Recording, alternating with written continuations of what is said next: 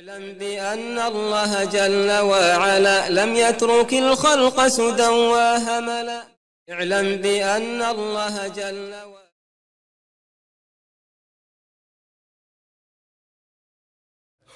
بسم الله الحمد لله الصلاة والسلام على رسولنا. استعين بالله لا حول ولا قوة إلا بالله. اللهم لا سهل إلا ما جعلته سهلا وأنت تجعل الحزن إذا شئت سهلا. اللهم أرنا الحق حقا وارزقنا اتباعه وأرنا الباطل باطلا وارزقنا اجتنابه ولا تجعل الحق ملتبسا علينا فنضل. اللهم آت نفوسنا تقواها وزكها أنت خير من زكاها أنت وليها ومولاها برحمتك يا أرحم الراحمين. ربنا لا تزغ قلوبنا بعد إذ هديتنا وهب لنا من لدنك رحمة إنك أنت الوهاب.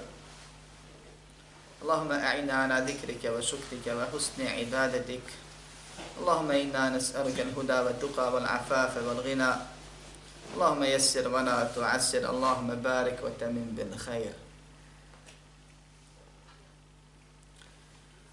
Amma ba'd, sva hvala i zahvala i svake vrste pohvala pripadaju samo Allahu, gospodaru svih svjetova koji je stvorio ljude da mu iskreno ispovjedaju vjeru. Salavat i salam na Muhammeda sallallahu alaihi wa sallame, najboljeg od svih ljudi i od svih poslanika kojeg Allah posla sa istinom, uputom, objavom, da ljudima u ibadetu odredi mjerom. A zatim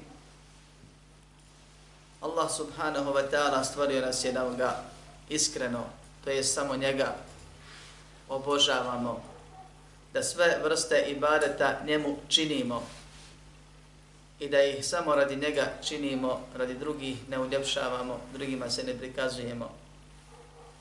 Allah subhanahu wa ta'ala najveće što je zabranio je širk, a to je suprotno tevhidu suprotno smatranju i vjerovanju i po tom vjerovanju djelovanju da je samo Allah subhanahu wa ta'ala savršeni gospodar koji jedini ibadet zaslužuje. Pa smo govorili kad je u pitanju veliki širk nekad davno, prije godinu dana, da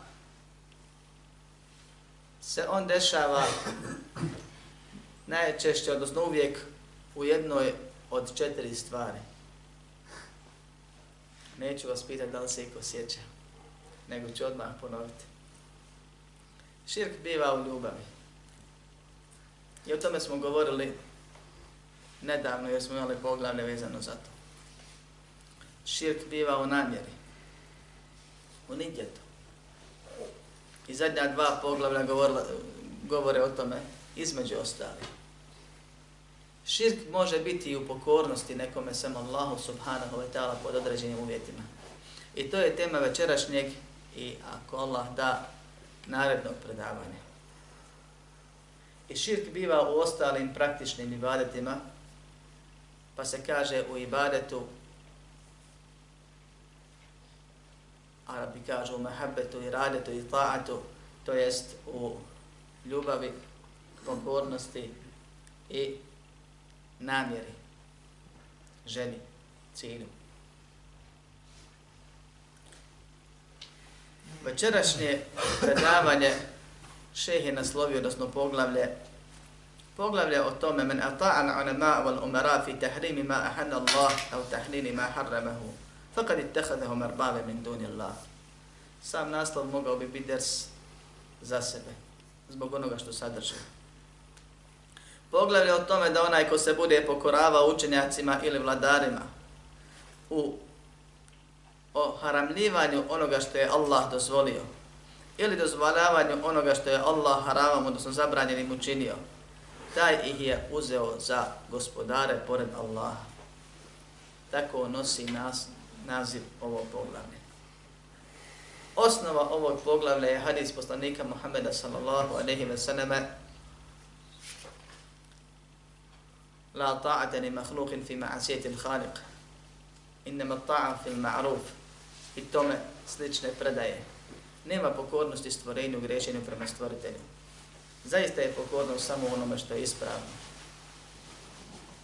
Allah subhanahu wa ta'ala je stvorio ljude i propisao i objavio im vjeru i poslao poslanike da im uvjeri odrede mjeru I nakon što je povukao poslanike, jer poslanik je poslanik zato što je poslan s nečim, nekome, od nekoga. Muhammed sallallahu aleyhi ve sellem je Allahov poslanik ljudima i džinima svim do sudnjega dana sa poslanicom koja se zove Islam u užem smislu riječi, objavom koja je, se sastoji od Kur'ana Allahovog direktnog govora i sunneta Allahove objave Muhammedu sallallahu aleyhi ve sellem. I on kad je dostavio svoju poslanicu, on je povučen kao i svaki drugi poslanik. Međutim, za razliku od prethodnih šarijata i objava, Allah subhanahu wa ta'ala se obavezao da će ovu čuvati. Inna nahnu nazzalna zikra wa inna lahu nahafizun. Mi smo objavili objavu i mi ćemo je čuvati. A objavu spada Kur'an svakako i sunnet. A dokaz za to su riječi Allaha uzvišnog ma yantiqu anil hava in huwa illa wahyun juha. On ne govori po hiru svome, to je objava koja mu se objavljuje. Da bi Allah subhanahu wa ta'ala sačuvao objavu između ostalog, dao je primjer i one koje će nastaviti da je čuvaju i šire, ali on je garant za razliku od prethodnih šarijata, subhanahu wa ta'ala. Prije toga bi on povjerio učenjacima i pobožnjacima na čuvanje, znajući da će oni vremenom izgubiti.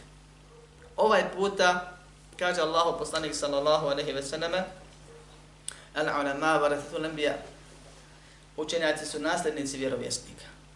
I ovaj puta ima neko ko, je, ko nasljeđuje vjerovjesnike, s tim da Allah subhanahu wa ta'ala čuva svoju objavu. Šta znači čuva svoju objavu? U poređenju s onim što smo malo prije čuli. Biće ponovno učenjaka koji ne mogu i neće ispuniti emanet čuvanja objavi. Koji neće biti dostojni nasljednici poslanika i vjerovjesnika ali će Allah subhanahu wa ta'ala za razliku od prethodnih objava uvijek zadržati objavu da se ne izgubi. Jer za ovu on garantuje, a za prethodne ne.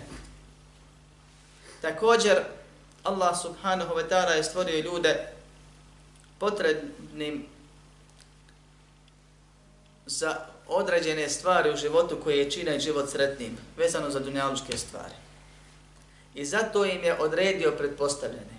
I ljudi ne mogu da žive bez reda, bilo kakvog. Zbog toga šerijat podržava pravilo da je bilo kakav red, makar ih tagutski to naglašavam, bolje od anarhije. Za dunjalučke stvari Allah subhanahu wa ta'ala je dao i odredio da postoje vladari u svim društvima.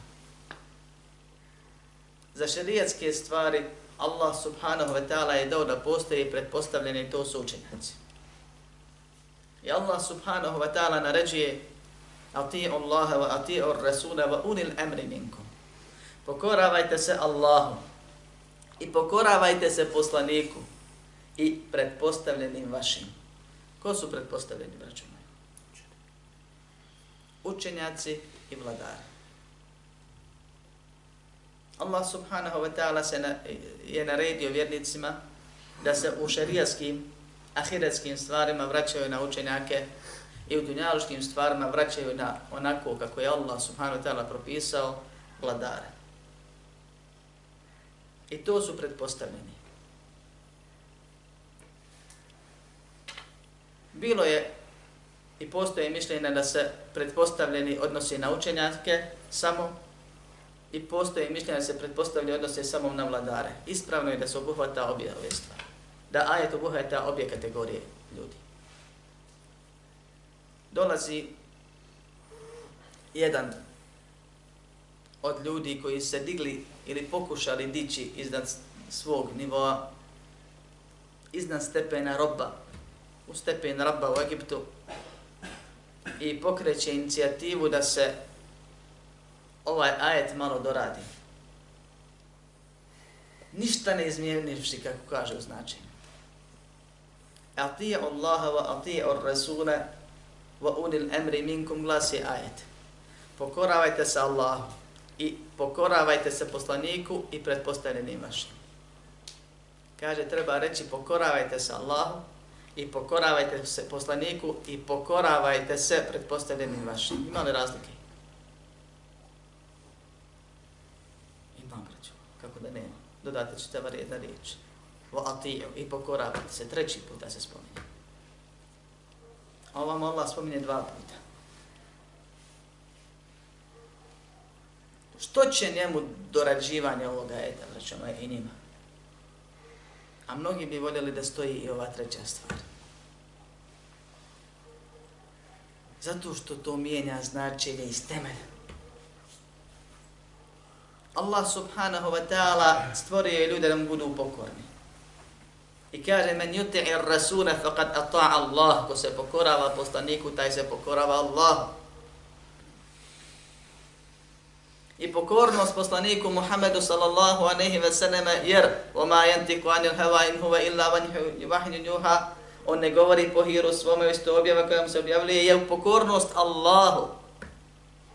A nije neka pokornost samostalna, posebna.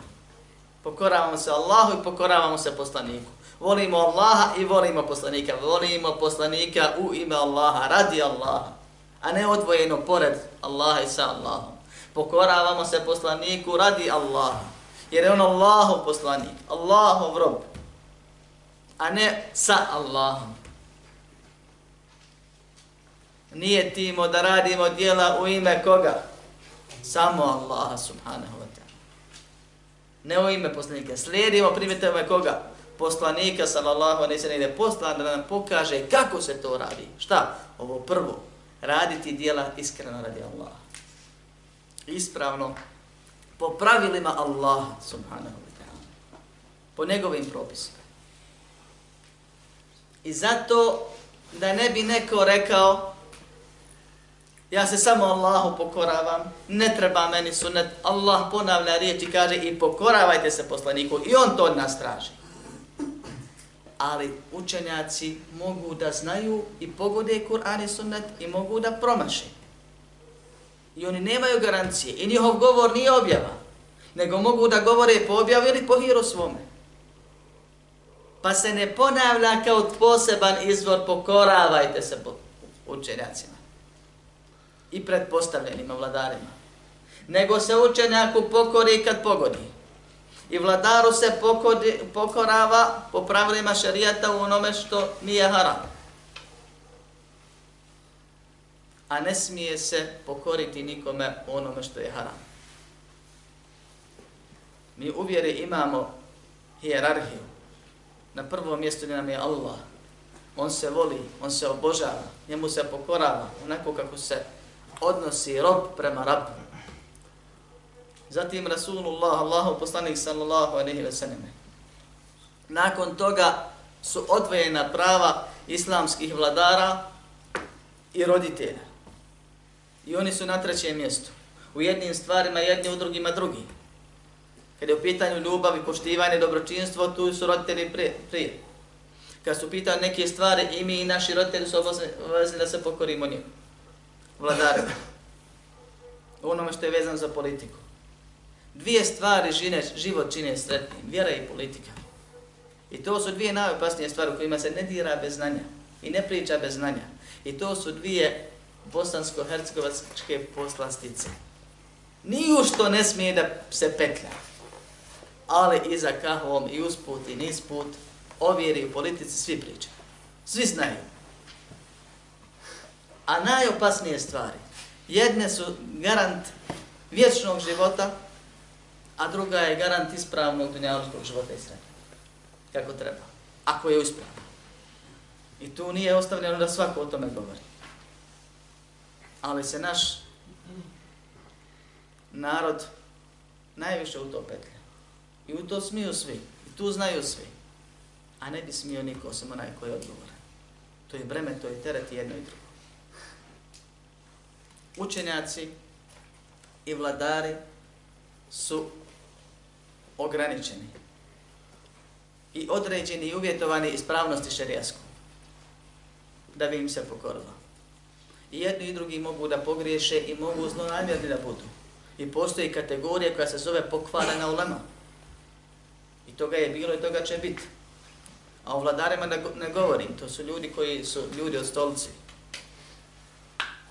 i najčešće žive, rade, govore i bore se radi te stolice. I žrtvuju sebe, a Boga mi i drugi je lakše radi te stolice. Pa nije ni čudo da polete i da ne biraju sredstva da sačuvaju stolicu. I zato su neki htjeli da je učvrste i ovim dodavanjem. Što je nemoguće jer Allah vjeru čuva. I nije uspjelo. A prošla inicijativa. Pričalo se, govorilo se, neki su pristali, neki ne. Bilo je prošlo. Nađemo nekad tamo kad istražujemo tim nekim stvarima, možeš naći da, je, da se desio događaj. Kao što se desio događaj da je oštampana verzija Nova Korana. Ja je čitao dijelovi njene 2007. godine, nikad nije raširana, hvala Allah. Neće biti. Ako se raširi, i basit će se. Jer Allah čuva svoj objav. Međutim, insan najviše voli Allaha. Zatim poslanika radi Allaha jer je to najbolje Allahovo stvorenje i Allah ga najviše voli. Zatim svoje roditelje. Prema obavezama, odgovoran je prema njima u onome što je njihovo i odgovoran je prema vladarima u onome što je njihovo. Nakon toga slijedi ostale stvari.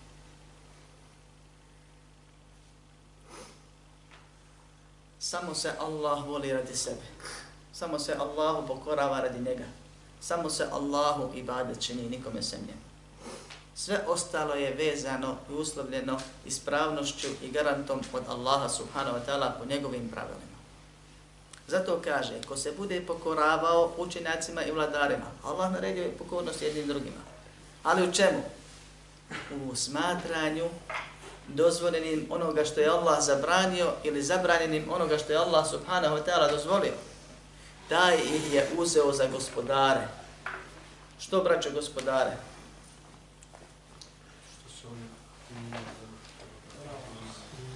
Što su oni baš gospodare? Što, što su, to rade ako mijenjaju? Što su što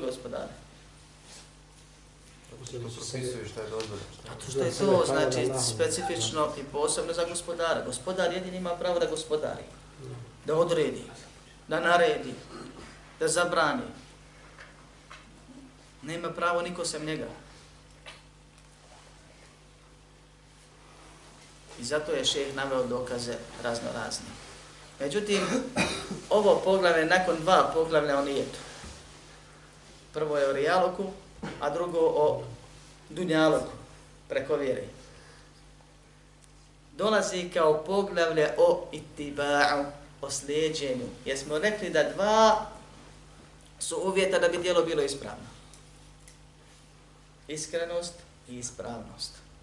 Jer Allah je stvorio sve li je bluvekom ejikom ahsenu amana, da bi nas iskušao ko će ispravnije, ljepše, bolje, to jest iskrenije i ispravnije kao što je protumačeno postupiti.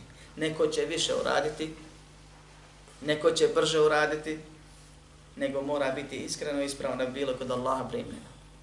Ovu priču koju pričam čuli ste stotinama puta, ako ne više od toga. I često kad je ponavljam, vidiš na faci nekih ljudi ono gdje da prođe i pređe na stvar. I često se dešava da ti isti ljudi nakon 5-6 godina upadnu u neku fitnu i završe i zaglave u nekoj sekti. Toga sam doživio puno. Od ljudi koje poznaje.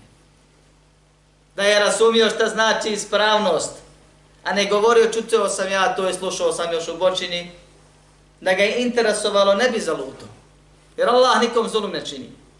Ko traži uputu naći je, ko traži zabludu naći će.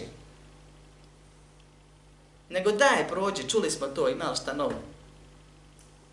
Zovete brat Naders i kaže, dođi, dolaze nama i drugi, daje. Lijepo je promijeniti, jes da ti njema nema šta novo reći, što mi već ne znamo, ali lijepo je promijeniti, maša Allah te barek. Više od deceniju sjediš pred ulemom, on sjedi po Bosni, radi šta radi, I ti džaba bio tamo, nemaš ti njemu šta novo reći. Sve on zna, maša, I on je. Ali to lijepo je malo promijeniti. Ko sina na šabama kad mjene po koncerte. Da ne dosadi jedan. Iskrenost i ispravnost su stvari koje se cijeli život uči. Jer na njima se temeni ibadet kojeg Allah ne prima ako jedno od toga dvoje fali. Iskrenost, da sav ibadet bude samo Allahu, i da se svaki pojedinačni čini samo radi Allaha, ne uljepšava, ne prikazuje, ne hvali drugima. Ispravnost da bude u skladu sa šarijatskim pravilima koja su građana na sunnetu Rasulullah sallallahu alaihi wa sallam. Ovo je općenita stvar. Kad svako dijelo dođe, ili ga znaš, i zato što propis i pravilo znaš, ili ga ne znaš pa moraš da učene pitaš, inače ćeš da zalutaš. Po pitanju tog dijela za početak, ako se toga nakupi, onda se dešava jedna promjena u srcu što se zove zek, za koje Allah kaže فَلَمَّا زَابُوا أَزَابَ اللَّهُ قُلُوبَهُمْ Kad im se pojavio zek, to je sklonost ka zabludi, Allah im je srca okrenuo ka zabludi.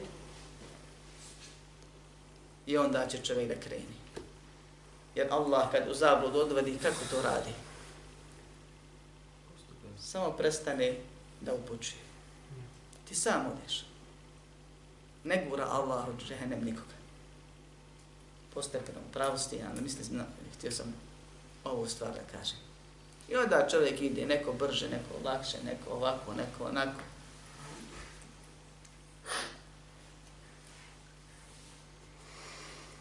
Zato je ovo poglavlje iznimno bitno.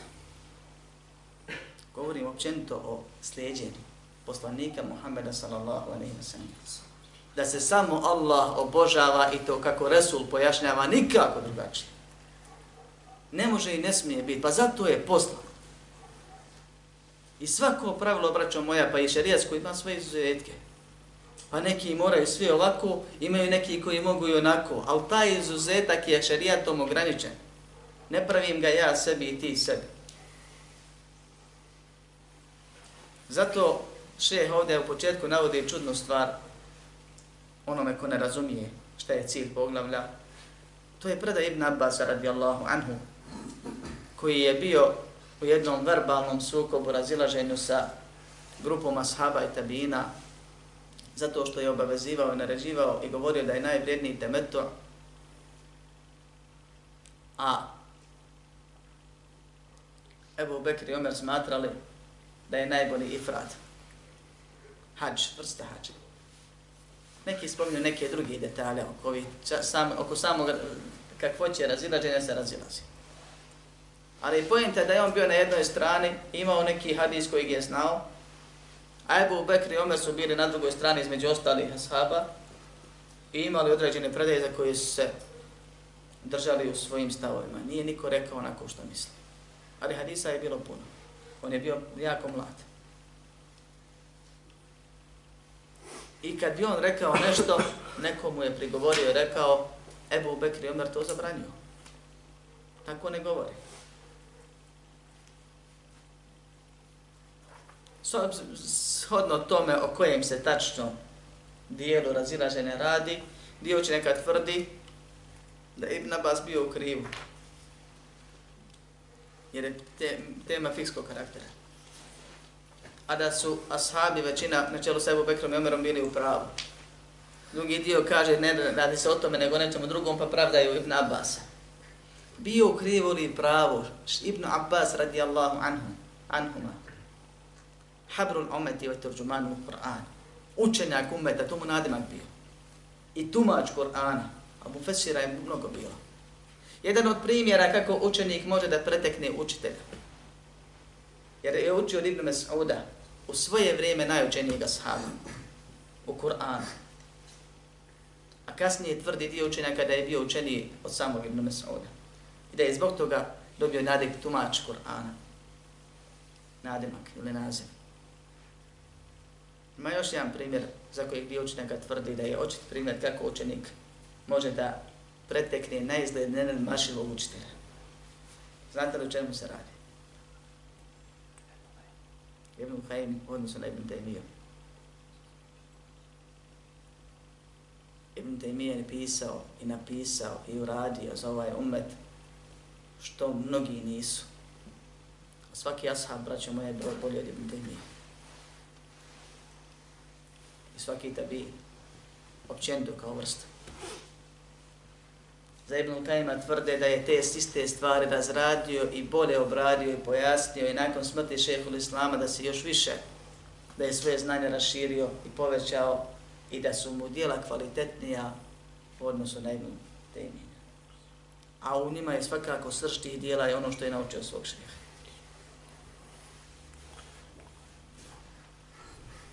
I dođeš našem bratu i citiraš Ibn Taymi Ibn Kajima i on ti kaže, jes sve je to u redu, ali moj šeh kaže drugačije. A isti taj se smijava sa dedom u džamiji, kad dedo kaže, nije to po našem mezebu. A istu stvar radi u potpunosti. Pa Ibn Abbas njima odgovara pravilom koje je uzeto kao parola sunnetlija u nekoliko stoljeća. Kaže, jušiku endenzina nekum hijjaratu mine sema, u jedna od verzija. Poenta je ista, samo šta je tačno rekao, kako, oko izrazi se razilazi.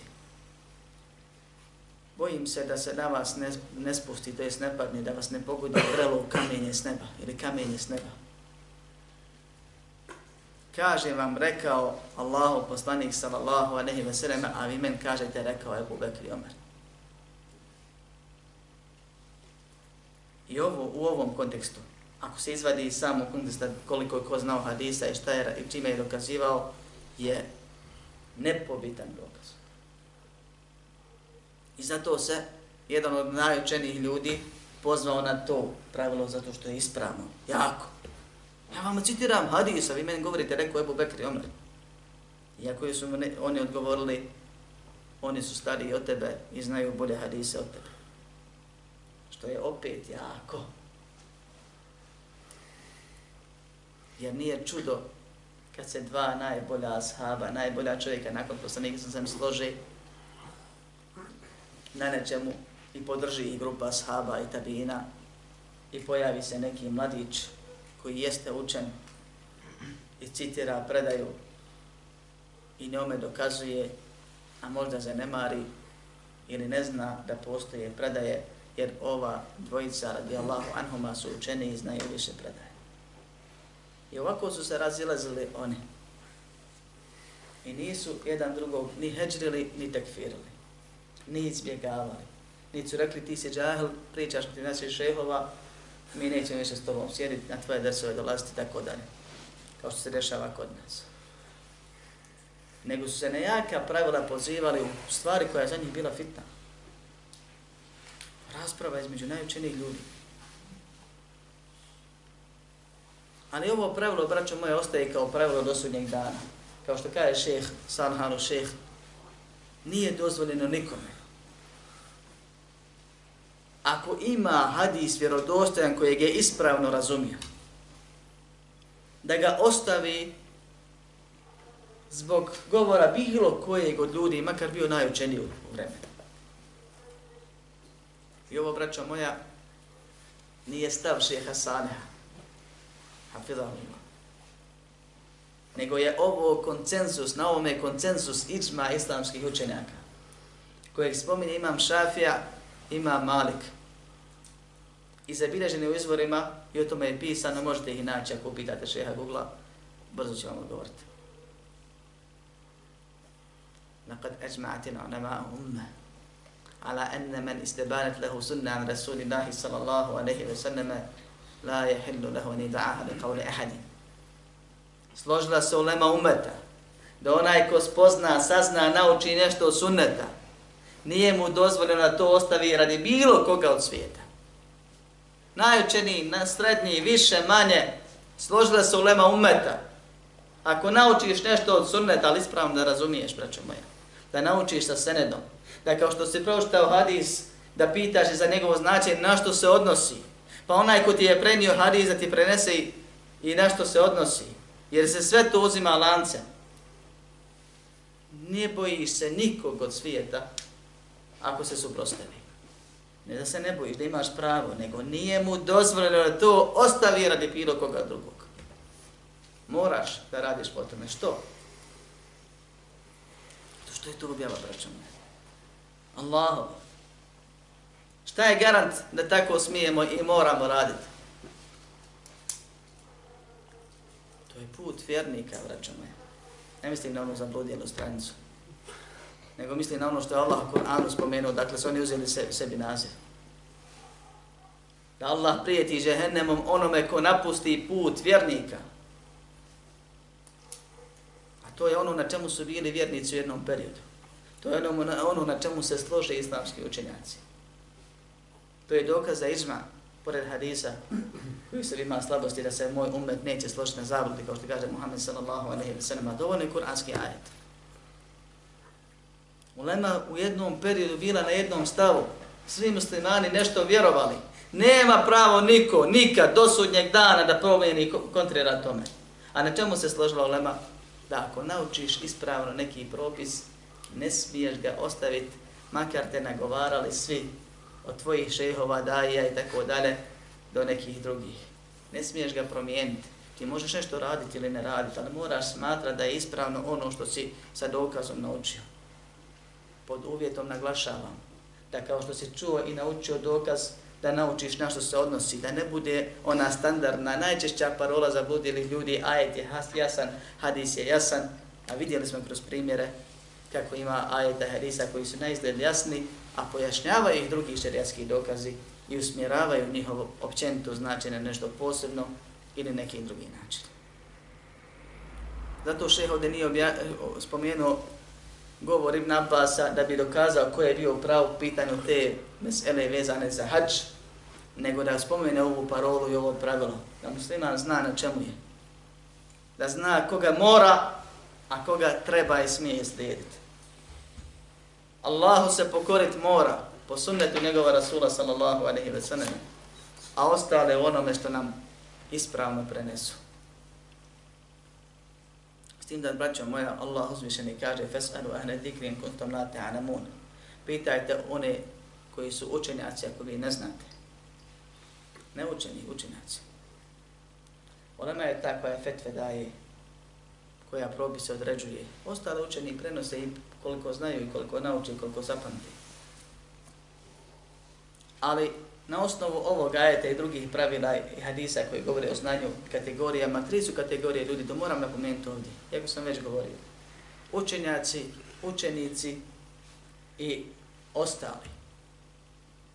Učenjaci su oni koji su dostigli stepen uleme na nekoliko načina kako se postaje učenjak. Učenici su oni koji iskupljaju znanje, kao što je stanje svih naših daja u Bosni i na Balkanu.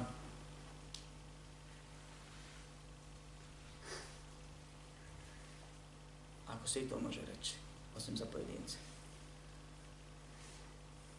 Ostali su oni koji se vraćaju na jednu od ove dvije kategorije.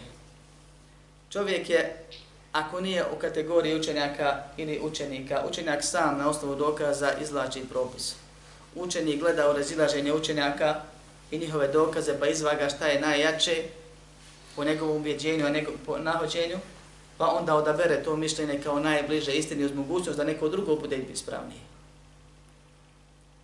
Ostali koji nisu ove dvije kategorije ne smiju da radi ni jedno od ove dvije stvari. Ne smije onda tumači ajte hadise, ne smije onda vaga prilikom razilaženja. Haram mu je nema čime. Nema alat, alat za taj zanat. Pa samim tim ne može napraviti ništa kvalitetno. Ako se upusti, samo će Belaj napraviti u svemu drugome na dunjaluku. Ali dunjaluk kontamo. A u politiku uvjerujemo se, se često bez dozvole petljamo. A zato sposobnost nemamo, ni dozvole. Shodno tome čovjek mora da pita. Koga će pitat u mnoštvo razilaženja? Kažu islamski učenjaci, čovjek mora da pita onoga do koga može da dođe od onih koji su po njemu najučeniji i najbogobojazniji. Ima ljudi znaju, ali bogobojaznosti nemaju, braću moje. Vidiš čovjeka, doktor islamskih nauka, radi novotarije. Pitaš ga šta je to, prijatelju moj, kaže, Bitno je da ti znaš, jer mi znamo da je to haram, da se to ne smije. A polako, vremenom će se to nešto. Pa nije Allah židove kaznio što ne znaju, nego što znaju, a ne rade po znanju. Nije bitno samo znat. Znanje po sebi nije cilj. Cilj znanja je primjena po pravilima šarijeta, jer ova parola je zlopotrebljena. Zato ima ljudi koji zna, možda je učeniji od onoga koga ti pitaš, ali ti odgovara po nekakvim pravilima ili nečijem nahođenju, na direktivama, a ne odgovarati po svom ubjeđenju. po onome na što dokaz nalaže. Pa su dva uvjeta da bi ti smio nekoga pitati. Da po tebi on ima znanje i bogobojaznost. I ti se opravdao. Osim u situaciji kad dođe neko drugi od iste te kategorije, pa te svojim dokazom ubijedi u suprotno. Što ovo znači? Znači da svaka grupacija treba da ima svoga učitelja, šeha, daju, od kojeg uči vjeru. I uzima od njega. I Allah više nije obavezao. Dođe ti pitanje, potrudiš se da odgovoriš, kaže hvala te, te Allah nagrada, ja sam već dobro odgovor. Mnogi daje kažu haram ti bilo. I moje vrijeme i moj trud i to izigravanje s tim stvarima. Nije te Allah obavezao, ni ti je dozvolio da pitaš 5, 10, 6 ljudi, dvojicu. Nego jednog u koji imaš pouzdanje i povjerenje. U pitanju ove dvije stvari, znanje i bogobojaznost. I kad ti odgovori, završio si. Napravi sebi problem. Postoji u nekim pitanjima po 17 mišljenja, braćo moje. I šta ako 17 daja a u Bosni bude svako ubijeđen u posebno mišljenje? I svako ti odgovori na poseban način. Šta ćeš uraditi? Pitaćeš 18. da ti odabere između onih 17 koji je najispravniji. Ko što rade ljudi. I svako pitanje počne, pitao sam puno ljudi, zbunili su me. Pa da nisi pitao puno ljudi, ne bi te zbunili. Učiš od onoga u čijem vjeru i bogobojaznost imaš povjerenje. Znanje je bogobojaznost. Općenito uzimaš znanje od njega. Dođe neko drugi, po nekom pitanju te ubijedi suprotno sa dokazima. Moraš, ne imaš pravo, nego moraš da ga poslušaš u tom pitanju. Opet nastaviš slušaš svog. I vjera lahka, olakšana, živiš rahac. Ne zanima te šta braća u drugom gradu govore po nekom pitanju. Nisi tamo, ne slušaš. Ili imaš pravo da se zbuniješ dok te šeitan ne slomi ili dok se ponovno ne vratiš na ovaj put koji je jedini ispravan. I zato kad se raziđu Ebu Bekr i Omer sa jednim mladićem Ibn Abbasom, ako je Abbas, Ibn Abbas bio u pravu, onda je ovo njegov dokaz. I nemate pravo i bojim se da za vas kazna ne dođe s neba. Ako budete tako govorili jer ja vam kažem, rekao Allahu poslanik, sallallahu sallam, ali vi kažete, rekao je Bubekri Omer, ko su oni? I upravo je. Ne u smislu malovažavanja nego ko su oni ovako, kad se ovako stvari poredaju. Ko je bilo ko sem poslanika sallallahu alaihi Dokaz je obavezan da se slijedi. E sad koliko je ko razumije, to je druga stvar. I ovo je pravilo temelj za razumijevanje ovog poglavlja. Nakon toga kaže ima Ahmed, kad mu je rečeno isto tako, ima Ahmed, ima Ehlu Sunnata od džemata. Čovjek koji je znao milion hadisa i tako dalje, bio je samo jedan od imama u vremenu kad je bilo oko 80 mezheba braćuma, od kojih je kasnije sačuvano četiri. 80 učenjaka su imali svoje mezhebe. I ta mišljenja su prisutna u knjigama uglavnom, u većini slučaja. Jedan od njih je bio Sufjan Theuri. Pa dođu sledbenici Sufjana Theurija, pitaju nešto imam Ahmeda, on im odgovori i spomeni im hadis kao dokaz, a oni kažu, a imam Sufjan, rahimahullah, kaže drugačije. Pa se imam Ahmed naljutio ne na Sufjana, jer on kaže na osnovu svog znanja kojeg ima, nego na tu osobu i njegovu drskost. I kaže, ađib tu, qawmin arafu li isnada wa sihatehu jedhebuna ila ra'i Sufjan. Čudim se ljudima, a čuđenje u arapskom kao i svim drugim mjesecima može biti dvoje. Ako čudiš se nečim što ti je lijepo, ili se čudiš nečim u smislu kuđenja te stvari. A ovo je dru, ono drugo. Ne hvali imam, nego se čudi u onom negativnom smislu, kritično. I kaže, čudim se ljudima, znaju senedi njegovu vjerodostojnost. Dakle, čuli su hadis, ja sam ispomenuo, lanac, ono, ono, ono, znači, se znaju da je ispravno. I dalje, pored toga, uzimaju mišljenje Sufjana. Ovdje ne kritikuje Sufjana, braću moje. Jer islamski učenjaci imali mezeba, nisu imali ni Viber, ni WhatsApp a ne govorimo o Facebooku i drugim šitanucima. Znali su hadisa koliko su naučili i do koliko su mogli doći. Ono gdje ne znaju rahmukallah hadisa, onda su na osnovu općih šarijetskih pravila ičtihadili. To je posao od muštahida. I on ima Kur'an pred sobom, ima desetine hiljada hadisa, ako uključimo lance, ali nema sve hadise. Niko od njih. Nema Viber, Whatsapp, ne može pitati onog tamo drugog šta on ima na tu temu kod sebe, nego se putovalo mjesecima iz zemlje u zemlju, a islamski svijet bio mašala poveliki. Pa na osnovu opštih pravila iz Korana i hadijskih koje zna, iz Islama od Mekteba pa do pozne starosti proveo tražići znanje, i hadisa koje ima, on izvuče propis. I u tome najčešće pogode svi. Ali se desi da promaše kad? Kad postoji hadis na određenu temu. Allah subhanahu wa ta'ala u Kur'anu je ovaj, spomenuo koga treba oženiti. Ko se smije oženiti ili ko se ne smije oženiti, tačnije. Pa je nabrao, nabrajao ko je bliža rodbina i kaže dozvoljeno vam je sve osim toga. I ko ne zna hadis da je zabranjeno spojiti ženu i njenu tetku u braku, reći će, kad ga neko pita, oženio sam ženu i želim da ženim njenu tetku kao drugu ženu, reći ona ti nije mahrem kad ti ova halal, halal ti ona, i uredi. Jer nema pravila koje zabranjuje. Ima hadis i ovo je primjer kako se radi. Šta znači opšte je pravilo, opšte je pravilo dozvoljeno sve ono osim toga. A hadis poseban ima koji ograničava to sve na jednu stvar, osim i ovo što je poslanik sallallahu alaihi sallam zabranio. Pa učinak jedan kaže dozvoljeno što, ne zna za hadis. A drugi kaže sve je dozvoljeno osim žene i tetke, je zna za hadis. A kaže ponovno nemaju viberavaca pa ne mogu da se čijeli život prođe. Tek njihovi učenici saznaju pa se većina njih promijeni i popravi. Zato u jednom mesebu imate nekoliko stavova. Jer učenik naučio nešto što imam nije znao, pa promijenio stav po tom pitanju. E kasnije je došlo, došao period slijepih sljedenika koji kaže ovo je moj meseb, ja iz njega ne izlazim.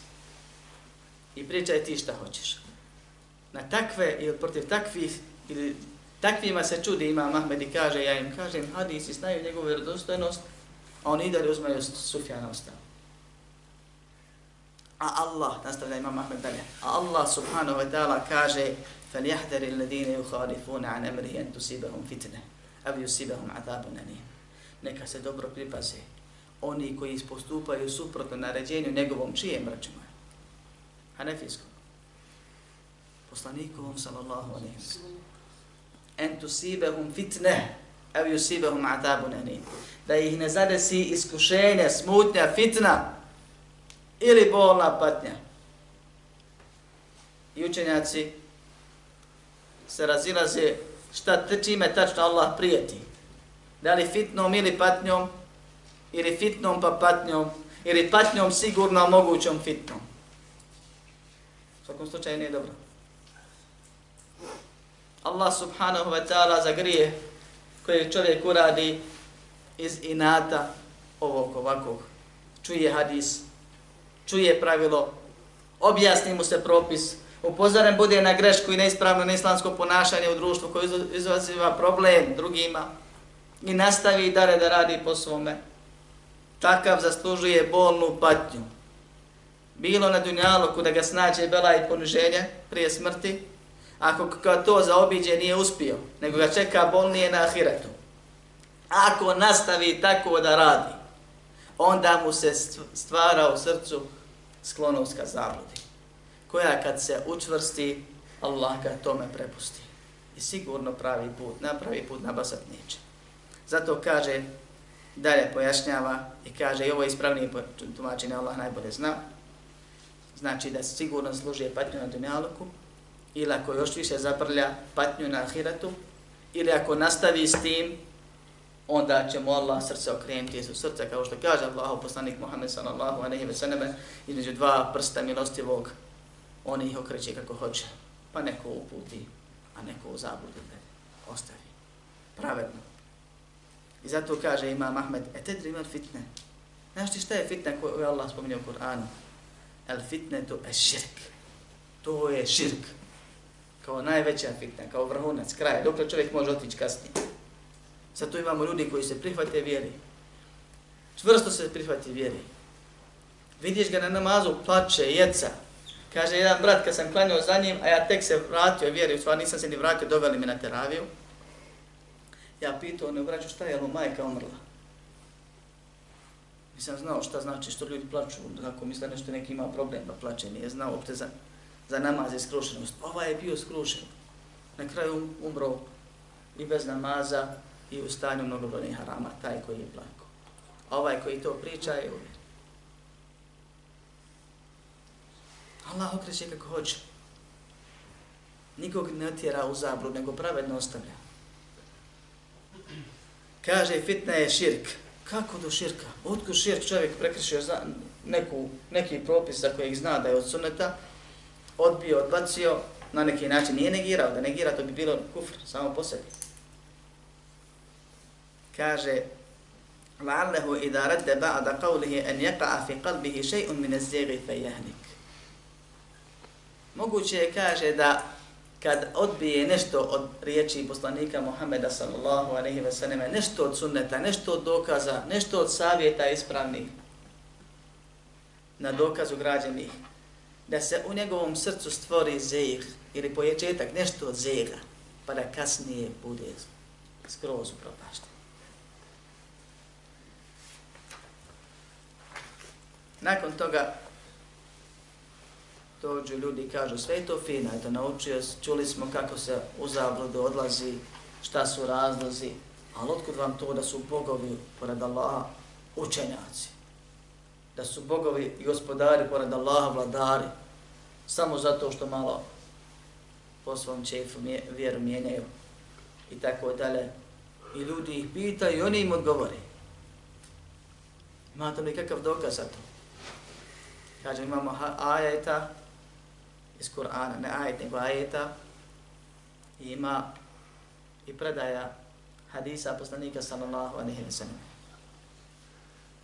Dolazi Ali ibn Bihatim. Adi ibn Hatim. Sin Hatima, najplemenitijeg Arapa do pojave Muhammeda sallallahu alaihi wa sallam, najdorežljivijeg čovjek koji poznan po dražljivosti. Njegov sin dolazi poslaniku Muhammedu sallallahu aleyhi ve sallame i poslanik sallallahu aleyhi ve sallam ga prima u mesčidu, a zatim ga odvodi kući. Dolazi sa krstom na vratu. Poslanik sallallahu aleyhi ve sallam kaže skini taj kip sa vrata i naziva krst kipom. Zato što se obožava pored Allaha. Nakon toga razgovara s njim i poslanik sallallahu alejhi ve sellem citira ajet iz Kur'ana kojim Allah subhanahu wa ta'ala kaže tehadu ahbarahum wa ruhbanahum arbaban min dunillah. Oni su uzeli svoje ahbare svoje rabine ahbar je uzet od hibr što znači tinta to jest uč, židovski i jevrejski učenjaci nazvani su ahbar zato što su poznati bili po čitanju i pisanju Waruhbanen i pobožnjake kršćanske, jer su oni bili poznati potom da se zavuku negdje i badete, zatvore negdje u same se udare i badete. Često su bili nauki, za razliku od ovih prvih. Oni su, kaže Allah subhanahu wa ta'ala, uzeli jedne i druge za robove pored Allaha. Pa kaže Adi, inna lesna ne. Nismo ih mi obožavali. Jer on smatra obožavanje samo klanjane, moline, dova i tako dalje. Pa kaže poslanik sallallahu alejhi ve sellem: Zar nisu kad nešto ohalale, zar nisu ohalalivali ono što je Allah zabranio, pa i vi to halalom nakon toga smatrali? I zabranjivali ono što je Allah dozvolio, pa i vi to zbog toga i nakon toga smatrali zabranjeni, kaže, jesu. Kaže, fetilke ibadetuhum. To je njihov ibadet, to je njihovo obožavanje, to je vid njihovog obožavanja. O čemu, braću moja? pokornosti. Bilo koje pokornosti? Ne. Nego pokornost u, vjer, u mijenjanju vjere. Čije vjere? Samo je jedna vjera Allah. Pa ko se pokori nekome, ko mijenja vjeru, znajući da ovaj mijenja vjeru, i nakon toga, po principu na grijeh ide na njega, nije na mene, on je kriv, kad on može, mogu i ja, tome slične stvari, nastavi smatrati ono novo vjerom, što je među vremenu promijenjeno, da je tu osobu, bez obzira da se radilo o učinaku ili vladaru, a to su dvije kategorije kojima se pokorava u osnovi, u svim društvima i svim religijama, a u islamu pogotovo, taj ga je umjesto sredstva za približavanje Allahu subhanahu wa ta'ala uzeo za gospodara pored Allaha. I zato Allah subhanahu wa ta'ala kaže قُلْ يَا أَهْلَ الْكِتَابِ تَعَالَوْ إِلَى كَلِمَةٍ سَوَاءٍ بَيْنَنَا وَبَيْنَكُمْ Reci, o sljedbenici knjige, dođite da se okupimo oko jedne riječi nama i vama zajedničke, pa ako menisti među onima koji se pripisuju muslimanima, stave ovdje tačku i završi. I kažu, evo Allah, reku, hajmo se skupiti, sabrati. Allah kaže dalje, Allah na'buda illa Allah, wa la nushrike bihi še'a, da ne obožavamo osim Allaha, da mu nikakav širt ne činimo. Ola je tehide ba'duna ba'dan erbabe min dunillah. I da ne uzima neko od nas nekoga za gospodara pored Allaha. Kako? Na ovaj poznati način. Ili na bilo koji od četiri načina koje sam u uvodu spomenuo. Da ne voliš nekoga kao što se Bog voli. Da mu se ne pokoravaš u svemu nego samo onome što je ispravno. Da ne radiš dijela radi njega, nego radi gospodara, tvog stvoritelja, kojim ćeš se vratiti, pre kojim ćeš račun polagati. I da bilo koji drugi vidi bareta, tjelesnog, jezičkog i tako dalje, ne usmjeravaš i ne moriš se tim i baretom osim Allahu subhanahu wa ta'ala gospodaru svih stvarenja. Ovaj, ova predaja uključujući ove ajde koji su spomenuti, je dokaz da se može iz vjere izaći tako što ćeš pokora, pokoriti se onome komu ti je u osnovi pokornost naređena. I zato se ovo zove posebna pokornost koja je širk. Shodno tome kažemo, tamo gdje je Allah naredio pokornost, pokoravamo se po Allahovim pravilima i uvjetima. I zato imamo sevap. I to je prva vrst, vid, vrsta pokornosti zabranjena pokornost može biti širk ili grije. Ili čak ne mora biti ni jedno ni drugo, zavisno od stanja čovjeka i dijela u kojem se pokorava. Pa onaj ko se pokori nekome, koji mijenja vjeru, bilo da dozvoljava zabranjeno ili zabranije dozvoljeno, znajući da je to bilo prije haram, i vjerujući nakon toga da je postalo haram, halal, ta je učinio širk veliki koji ga tim dijelom izvodi iz vjeri. Kad naučiš da je nešto haram, makar imalo tamo nekako mišljenje o šarijatu, šarijatsko mišljenje, neki od učenjaka pogriješio, taj učenjak je musliman i sevap ima to što je čitihadio pa pogriješio, ima jedan sevap, nema dva. A ti ako se budeš namjerno, svjesno protivio svom ubjeđenju i pokušavao Boga prevariti, padajući se na nekakvu fetvu iz naftalina izvučenu, možeš biti nevjernik. Allah subhanahu Allah sačuva. A kamo li kad dođe neko i kaže da jučer je bilo dozvoljeno, sad je zabranjeno. Ili da jučer je bilo zabranjeno, sad može, novo vrijeme, nova vjera.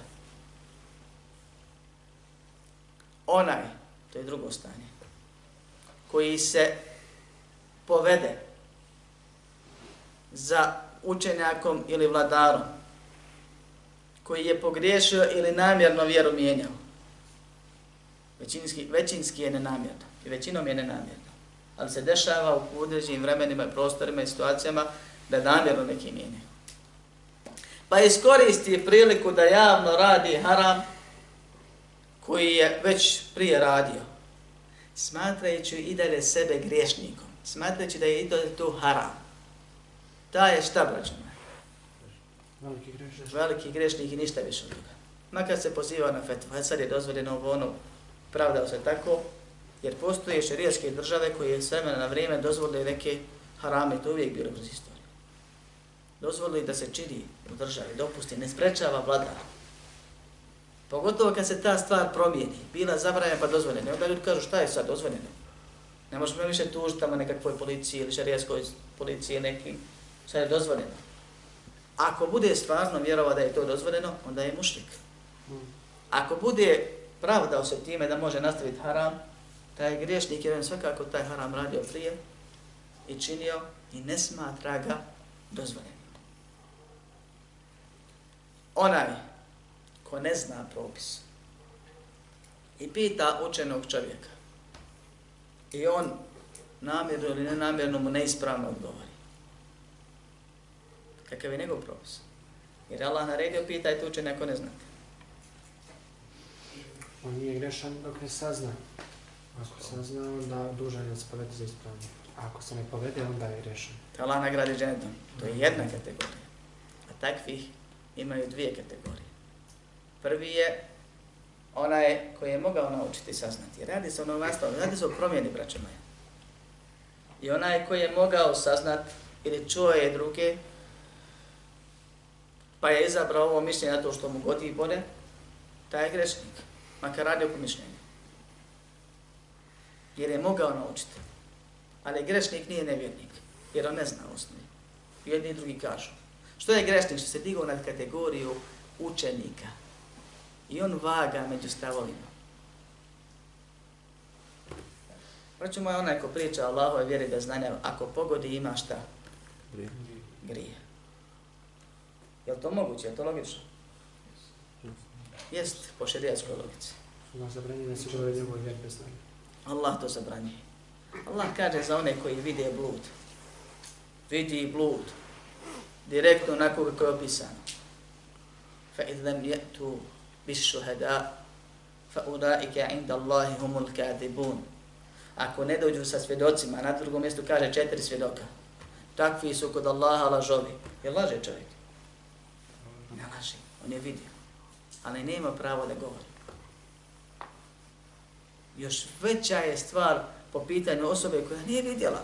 Ne zna on šta je propis. Pa nisu propisi izložene na pijaci da ih gledaš. Pa usudi se da on priča o vjeri. Ako pogodi ima grije. Jer nije smio ne govori. A kamo li ako promaši? Također ima grije za sve one koji se za njim povedu. Druga situacija je osoba koja nije mogao naučiti, nije čuo drugo mišljenje, pitao je, on je opravdan sve nek ne sazna sa dokazom. Iako ga onaj drugi sa dokazom ubijedi. Ja sam vam objasnio kako čovjek treba da se postavi. Da uzabere sebi učitelja i da uči od njega. I da mu vjeruje. I ne bira osim onoga kome vjeruje. I zato bude opravdan sve dok ga neko sa dokazima ne ubijedi u suprotno. I zato imamo četiri meseba i svi su pravi. Ali ne smije niko reći ovo je moj meseb, ja ne izlazim iz svog meseba i vi što izlazite iz mezheba ste griješni. Naprotiv, čovjek je obavezan po koncenzusu islamskih učenjaka koji između ostalog citiraju i prenosi dva imama mezheba, a izrake koje na to ukazuju su pri... sačuvano svih imama drugih, da onaj ko nauči nešto od sunneta ne smije ostaviti to zbog bilo koga drugoga. I zato ovakva kakva je, vjera je braće laka. Ne treba doći neko da kaže Dino Jusr, za nije došao, rekao, poslanik sam vjera je lahka, olakšajvajte, ono, otežavajte. Poslanik sallallahu alaihi sallam nije dok, birao između dvije stvari, a da nije izabrao lakšu, mi njemu kažemo jeste, i zato nam je dostavio šerijat ovakav kakav jeste i on je lahak, na osnovu prvog dokaza koji su spomenuo, mi ćemo olakšavati, pa ako nećemo zabranivati, kako je Allah dozvolio, i nećemo otežavati, I kad god budemo u prilici da biramo između dvije dozvoljene stvari, jer Allah nije stavio na izbor poslaniku haram i halal, nego dozvoljene stvari, mi ćemo izabrati lakšu. Ali nemam pravo ja da dozvoljavam ono što je Allah zabranio kako bih nekome olakšao, kao što ne smijem iz predostrožnosti nekakve šubhe ili svesa, da zabranjujem ono što je Allah dozvolio i tako da nekome otežem. Allah subhanahu wa ta'ala spominje zeh. Spominje dovu u Kur'anu, Rabbena la tuzik kunubena ba'de hedejtena. Allah, gospodaru naš, ne dozvoli da srca naša zalutaju nakon što si ih uputio. I ovo jedna od ova koju učenjaci preporučuju da se stalno uči da se uči na namazima, braćo moje. Poslanik sallallahu alejhi ve sellem poručio svom ashabu, rekavši ja te volim pa te oporučujem da nakon svakog namaza kažeš Allahumma a'ini ala zikrike wa shukrike wa husni ibadetik. To je druga dova. Allah moj pomozi mi da te puno spominjem, da ti puno zahvalijem, da ti ispravno robujem. Treća dova koja je iznimno bitna je da molimo Allaha subhanahu ta'ala za lijepu završnicu. Jer je čovjek da ispravno robuje i da se i da plaće u namazu i da skrušen bude i da zaluta. I niko nije pretplaćen na džene. I kad čovjek preseli, mi ne smijemo nikom da svjedočimo za džene, to su onome koga je poslanik sa sam za života obradovao. Tek ćemo tamo da vidimo ko je u dženetu, ko nije. Ovo govorim ne samo zbog suda o drugima, to je zadnja stvar u kojoj se čovjek upušta, nego da razmislimo o sebi. Da dobimo Allahu stalno za učvršćenje u vjeri, za ispravnost u vjeri. Uvijek može bolje. Ali ne u smislu kad nekog pitaš kako si, šta ima, protumačiš san nekome, trebaš se popraviti u vjeru, on kaže, ba e, ja uvijek može bolje, kao folon je dobar sad, a eto može i bolje. Musliman pravi o sebi tako ne misli. Musliman o sebi misli najgore, jer je on svjestan svojog, svakog grijeha. Tvoje grijehe ne znam, pa te boli nego što jesi smatram i tako treba. Ali svoje znam, a ni za jedan jedini najmanji opravdanje ili dokaz nemam da je oprošten. Možda jeste, a možda i nije. I zato strahujem za sebe više nego za tebe. I smatram sebe gorim, a tebe bolim od sebe. I tako treba da bude. A ne da se dižemo, dobri smo, dobri smo, dobri smo, jednom šta nam bi. Svi se mi sjećamo stvari koje smo s lahkoćom radili, pa nakon godina u islamu ne možemo da radimo. Allah nas kazni za neke stvari, pa neke stvari ne možemo. Sjećamo se stvari za koje smo se nadali da ćemo nekad moći raditi, želili, čudili se onima kako ih radimo, pa sad ih s lahkoćom radimo. Isto kao što ti je olakša ono što ti je bilo teško i zabrani ono što je svima drugima lahko, tako može da okrene sve stvari da osvaneš mu'min, omrkneš kafir. Ne do Allah. Pa budimo svjesni ove stvari. Moramo živjeti, raditi i Allahu robovat samo po šerijskim pravilima. Koliko možemo. Ako ne dostignemo, griješni smo. Ali ako granicu prijeđemo, novotari smo zabludu, molimo od Allaha. Treba moliš ga da vede u zabludu. To je stanje svakog onoga ko granicu prelazi. Molim Allaha subhanahu wa ta'ala da nam oprosti, popravi naše vjerovanje, sačuva naš iman, uvećava ga, obnovi ga i usmrti nas onda kad je najzadovoljniji s nama. Molim Allaha subhanahu wa ta'ala da nas sačuva džahennema i grozno im boravište, uvede u džennet. Amin. Walhamdulillahi rabbil alamin.